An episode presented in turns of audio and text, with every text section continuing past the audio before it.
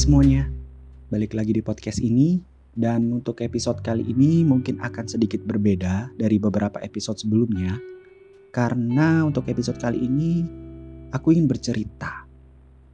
Ya, curhat sih kepada teman-teman semua tentang beberapa hal yang membuatku jadi berpikir ketika aku udah beranjak di usia 21 tahun ini.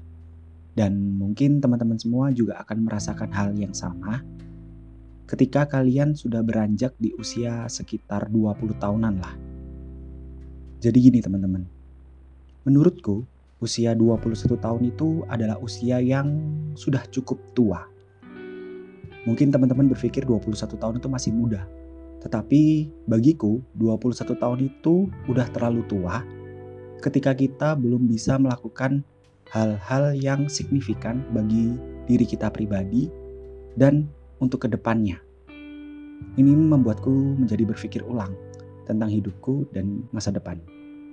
Dan ketika aku berpikir ini, aku menemukan empat hal yang membuatku jadi berpikir ulang gitu loh. Tentang hidupku, tentang ke depannya mau kayak gimana. Seperti itu teman-teman. Hal pertama yang membuatku jadi berpikir ketika aku udah berusia 21 tahun ini adalah rencana setelah lulus kuliah. Mau ngapain kita setelah lulus dan apa rencana selanjutnya? Mungkin dari teman-teman semua udah ada nih yang merencanakan seperti lanjut S2 atau kerja di suatu perusahaan atau memulai suatu wirausaha baru dan mungkin ada juga nih yang belum merencanakannya sama sekali. Gak apa-apa, karena jujur, aku baru mulai menemukan jawabannya ini beberapa waktu belakangan ini. Kan sekarang aku ada di semester 6, mau masuk ke semester 7. Ya semester tua lah, semester-semester akhir.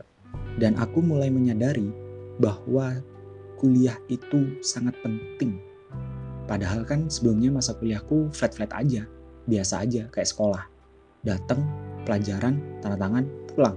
Gitu terus. Kalau ada proker ya tinggal ditambah rapat. Itu pun kalau dosennya emang niat ya buat ngasih materi. Kan ada juga nih dosen yang cuman ngasih tugas aja. Datang, tanda tangan, dikasih tugas, udah pulang. Ya kan? Sering banget kita menjumpainya. Dan yang lebih parahnya, ada juga dosen yang jarang atau bahkan gak pernah datang sama sekali. Tugas dan materi aja gak pernah dikasih. Kayak datang, tanda tangan, udah pulang paling-paling kita TA ya kan? Bagi yang nggak tahu TA itu titip absen. Titip absen ke teman-teman. Jadi kita nggak hadir. Kayak gitu. Dan aku baru menyadari bahwa materi dari dosen itu sangat penting. Terutama untuk kita dan bekal kita untuk di dunia kerja nantinya. Aku mengalaminya sih. Karena kan di semester ini aku sedang menjalankan program magang dari kampus kayak terjun ke dunia industri sesuai dengan jurusanku. Jadi, buat teman-teman semua yang masih ada di semester awal, ya mulai niatkanlah, persiapkan untuk diri kalian terjun di dunia kerja nantinya. Nah, kalau aku pribadi, rencana setelah lulus kuliah itu ya kerja. Aku memilih untuk kerja di suatu hotel antara Kota Batu, Surabaya, dan Bali Kan karena jurusanku adalah manajemen perhotelan di Universitas Brawijaya. Itu sesuai dengan keinginan dan passionku ketika aku awal memilih jurusan tersebut. Karena berniat dari awal, jadi ya aku mencoba mempersiapkannya sebaik mungkin. Nah, pesen nih buat kalian yang merasa salah jurusan, mungkin itu bukan salah. Itu mungkin adalah cara Tuhan memberitahu jalanmu yang sebenarnya jadi nggak ada tuh kata-kata sia-sia. Jadi persiapkan dengan sebaiknya sebelum datang masa penyesalanmu. Pikirkan deh, rencana apa buat dirimu untuk ke depannya. Apa langkahmu selanjutnya?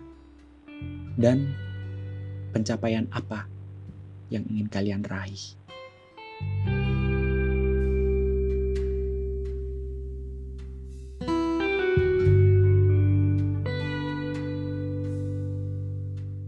Hal berikutnya yang membuatku jadi berpikir ulang adalah masalah finansial, masalah keuangan.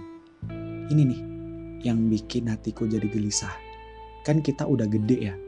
Jadi untuk minta uang ke orang tua itu rasanya malu, sungkan. Rasanya udah bukan lagi waktunya kita untuk meminta, tetapi saatnya kita mulai memberi ke orang tua kita. Ya, kita tahu kita juga punya banyak sekali kebutuhan bahkan keinginan yang harus dipenuhi. Menurutku cara yang paling mudah adalah ya kita cari kerja sampingan kayak part time gitulah Mungkin ada yang jadi seperti kasir atau barista di sebuah kafe. Ada juga yang mulai berjualan dan lain sebagainya. Kalau aku pribadi sih, aku pernah jadi guru ekskul di beberapa sekolah seperti SMP dan SMA. Freelance fotografer juga pernah dan pernah juga jadi penjaga kantin di fakultasku. Nah, setelah bisa mendapat uang dari hasil jeripaya sendiri itu rasanya bahagia, bangga sama diri sendiri karena udah bisa menghasilkan dari hasil jeripaya sendiri. Nah, setelah kita mendapatkan uang itu, kita coba deh financial planning. Mulai persiapkan dengan matang mana yang lebih penting antara kebutuhan dan keinginan. Kalau menurutku, penuhi aja dulu kebutuhan kalian. Kalau udah terpenuhi, baru deh keinginan kalian bisa kalian kabulkan. Ya, aku paham. Kita sebagai remaja, kita juga butuh namanya kayak nongkrong, pacaran, dan lain-lainnya. Paling enggak, gunakan uang hasil dari kalian kerja. Jangan meminta uang orang tua untuk hal-hal yang emang apa ya kalian inginkan gitu kayak nongkrong dan pacaran tadi. Nah, setelah kalian bisa bagi kebutuhan sama keinginan itu, coba deh kalian apa ya nabung dan mungkin kalian bisa mulai latihan untuk investasi di masa datang. Paling enggak manage lah keuangan kalian dengan baik. Uh, dibagi-bagi gitu. Kan kita sebagai remaja kita sering banget tuh menghabiskan uang kita dalam sekejap untuk hal-hal yang sebenarnya nggak perlu, nggak kita butuhkan banget gitu. Tapi kita beli.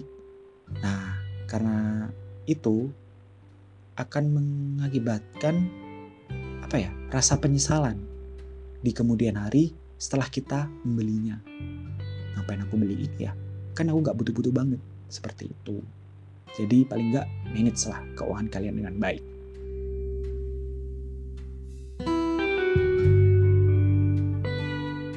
Hal berikutnya, hal ketiga yang membuatku jadi berpikir ulang adalah tentang friendship, pertemanan.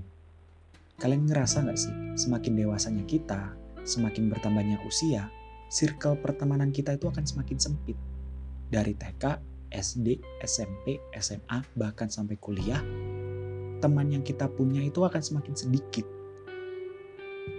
Menurutku, itu adalah hal yang wajar, karena kita tahu mana orang yang cocok untuk dijadikan teman atau sahabat, mana yang enggak. Kita tahu lah, kita nggak ingin membuang-buang waktu kita untuk hal-hal yang nggak berguna sama sekali, bahkan bisa merugikan diri kita sendiri. Kan kita udah gede ya, kita udah pandai lah memilih dan memilah. Zona pertemanan itu menurutku adalah sangat penting bagi kita dan kehidupan kita yang akan datang. Karena pastinya kita akan butuh support dari mereka yang benar-benar tulus sama kita. Bukan yang hanya sekedar memanfaatkan kita. Mereka yang tulus akan selalu ada di kala senang maupun susah. Sejauh ini, sejauh aku hidup dan bersosial, aku hanya menemukan satu circle yang benar-benar paham aku itu seperti apa orangnya. Baik maupun buruknya aku, aku bertemu mereka ini ketika aku masih SMP ya berawal dari ekskul kalau nggak salah dan terus berhubungan baik dan berteman masih kumpul sampai saat ini. Ya kalau dihitung-hitung sih udah hampir tujuh tahun lah kita berteman. Namanya adalah idiots karena kelakuan mereka emang idiot semua pasti kalian juga memiliki geng pertemanan seperti itulah senang, susah, baik, buruk, gila, luar dan dalam, ah paling saling mengenal lah. Dan kalian juga pasti saling tahu. Langka sih menemukan sekumpulan teman yang mau berjuang bersama seperti itu. Nah, kalau kalian kayak gimana? Sudahkah kalian berhubungan baik dengan circle pertemanan kalian untuk jadi support system ke depannya? Baik itu susah, baik itu senang, baik itu buruk, maupun baik. Gimana?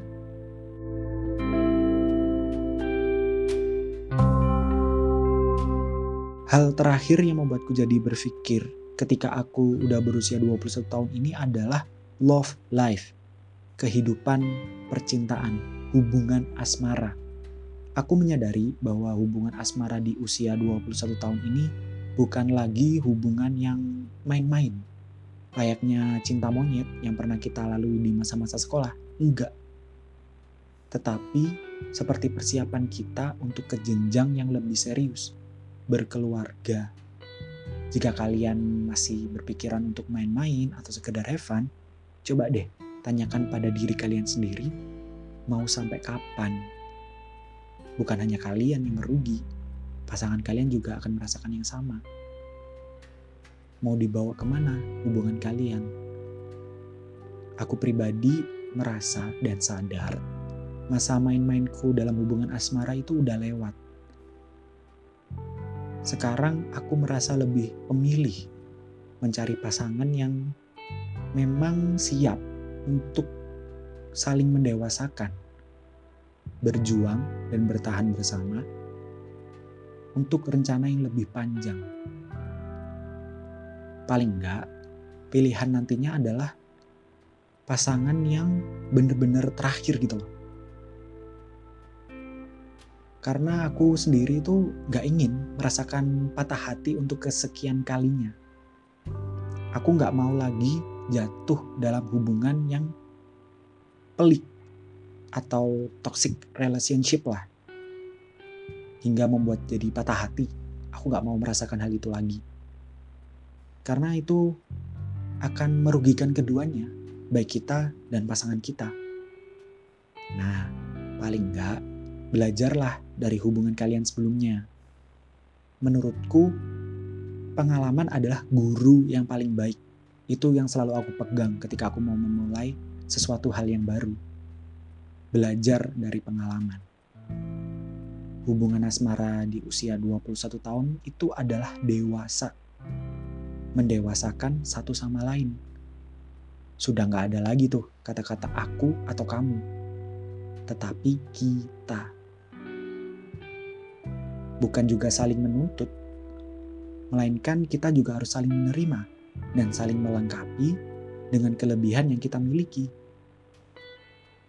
Ketika kita bertengkar nih sama pasangan, itu adalah hal yang wajar, bumbu dalam sebuah hubungan lah. Bukan berarti ketika kita berbeda pendapat, itu langsung udahan. Enggak. Coba deh, komunikasikan dengan baik dengan pasangan kalian, dengan apa ya kepala dingin jangan buru-buru emosi coba cari solusinya mau kayak gimana. Aku paham itu pasti susah dan berat banget. Karena apa ya kita itu cuman butuh adaptasi. Kita cuman butuh adaptasi dengan sifat-sifatnya dengan sikap-sikapnya. Nah ketika udah menemukan solusi yang terbaik lah itu akan menjadi sebuah pelajaran. Pelajaran yang sangat baik bagi hubungan kalian ke depannya. Supaya kalian tidak akan melakukan hal yang sama, tidak akan jatuh ke lubang yang sama.